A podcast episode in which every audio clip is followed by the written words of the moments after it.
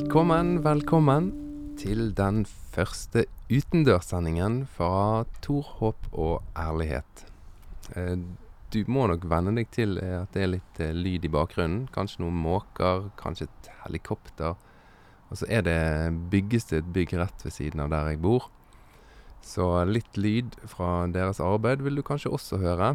Men det som gjør at du må venne deg til dette her, det er det at neste mandag, mandag 22. juni, så starter Tor Håp og Ærlighet sin sommerturné.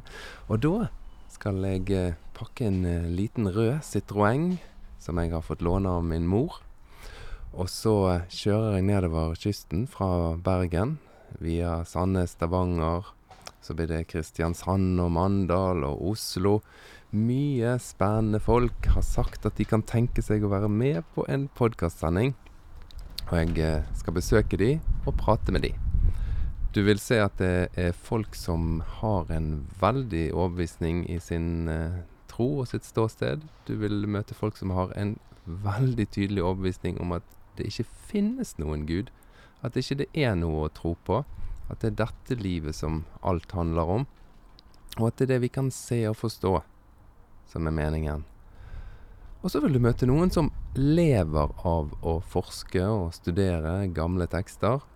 Ja, du vil møte mye forskjellige folk, og jeg eh, lover deg at du kommer til å synes at det er interessant. Så altså fra neste mandag så er det sommerturné med Tor, håp og ærlighet. Jeg håper du vil følge med fremover. Jeg tror du vil eh, finne det interessant og gøy. Ja, gøy òg. Det tror jeg. Em, I dag så um, er jo planen, som du sikkert vet, at uh, vi skal gå videre og ha siste praten rundt uh, en uh, fortelling som handler om en stor flom. Fortellingen innebærer at det er en gud som ser på alt som er så fælt på jorden, at vi mennesker ikke er grei med hverandre. Så denne guden velger å drukne alt. Og i dag vil jeg ta opp et eh, emne som jeg har kalt 'innenfor og utenfor'. Og det som har slått meg den siste uken her, da, det er jo at eh, den beslutningen jeg hadde om at eh, denne podkasten den skulle handle om de gamle fortellingene uten å bli eh, politisk og uten å være direkte knyttet til eh, nyhetssaker, det nytter ikke. Og på en måte så syns jeg det er litt gøy. For det viser jo at de gamle tekstene, de har noe å si oss i dag. For når vi nå skal snakke om eh, innenfor og utenfor, så vil jeg først av alt at du skal kjenne på denne følelsen. Hvor grusomt vil det være å være innenfor? Tenk å være den som får lov å gå inn i en stor båt. Det er kun du og noen av dine aller nærmeste får lov å gå inn i en stor båt, og så vet du at alt rundt deg skal druknes. Barn skal druknes. Voksne skal druknes. Ungdommer skal druknes. Gamle folk skal druknes.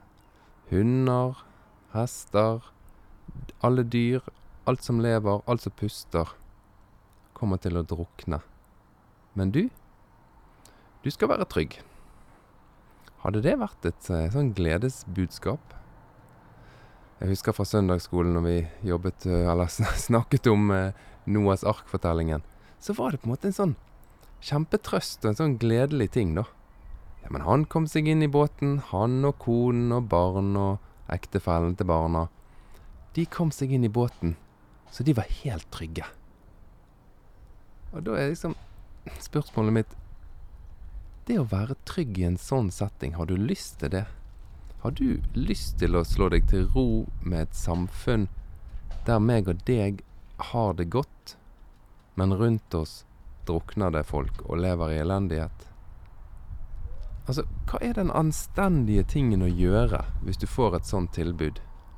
Hvis du får en mulighet til å leve i en uendelig trygg og god tilværelse, men alle andre kommer til å få gå. Da er det vel en ikke det den riktige reaksjonen å si nei, det går ikke jeg med på. Hvis du har tenkt å gjøre dette her, så får du jaggu meg ta meg med òg. Dette går ikke jeg med på. Det er vel den eneste anstendige løsningen. Og det var veldig fascinerende å se denne uken her.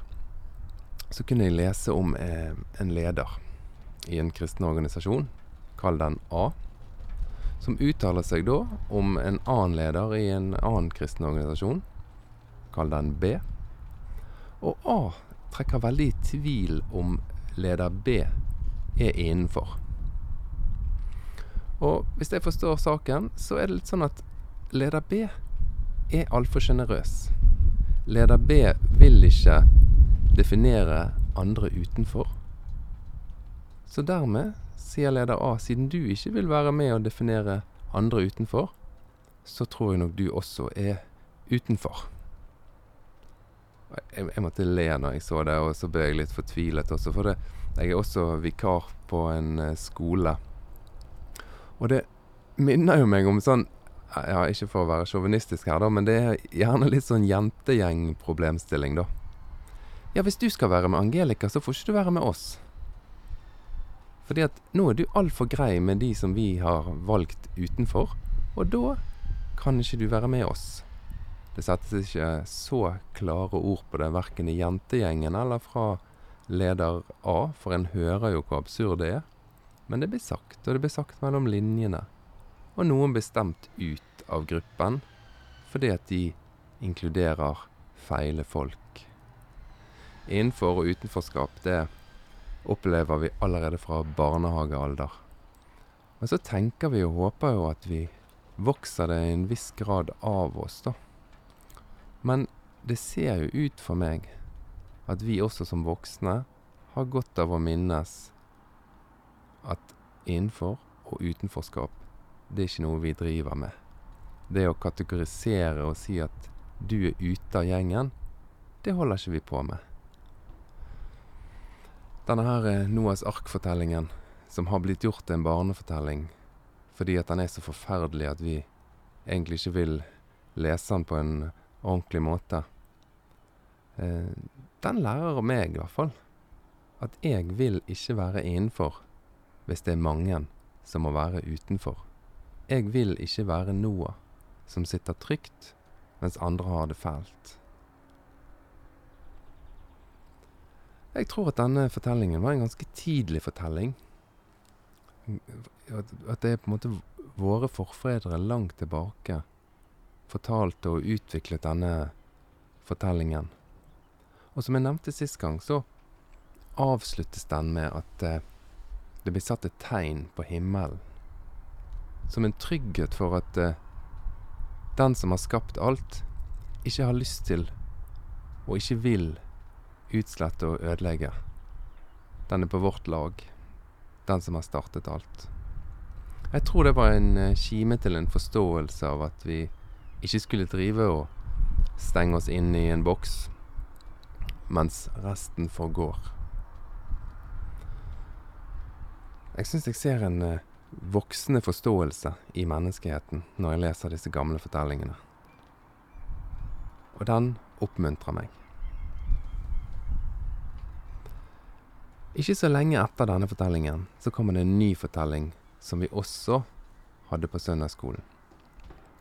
Og da fortelles det om en mann som eh, vil vise sin troskap til Skaperen. Han skal vise seg tøff og sterk. Ingenting er for kostbart å be om.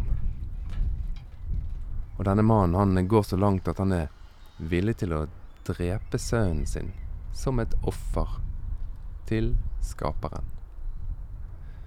Så i neste episode har jeg lyst til å gå inn på den, for jeg føler den henger litt sammen med denne flomfortellingen. Den viser en utvikling og en vekst i forståelse av medmenneskelighet men også den, som en sa, har blitt gjort til en søndagsskolefortelling. Kan du tenke deg? En søndagsskolefortelling der vi har løftet opp tanken om at en far bandt sin sønn til et alter og var klar til å stikke kniven igjennom han. Men også den fortellingen har ganske mye håp i seg, og gir ganske stor forståelse av utviklingen vi mennesker har hatt når det gjelder rett og galt. Så fra min side så vil jeg si Noah var sikkert en fornuftig mann i fortellingen i sin samtid, men vi har lært at det å godta og være innenfor når andre er utenfor, det er ikke noe vi skal holde på med. Jeg håper du blir med meg på turné. Sommerturné, høres ikke det deilig ut? Det var ikke så forstyrrende med litt saging og vind i bakgrunnen, var det det? Hvis det er et stort problem, så ja, så blir det sånn allikevel. Vi endrer ikke på denne planen. Nå er bilen bestilt, og lydutstyret ligger klart, så nå kan jeg snakke med flere mennesker samtidig og få det inn på Tor Håp og Ærlighet. Vi høres. Ha en riktig god helg.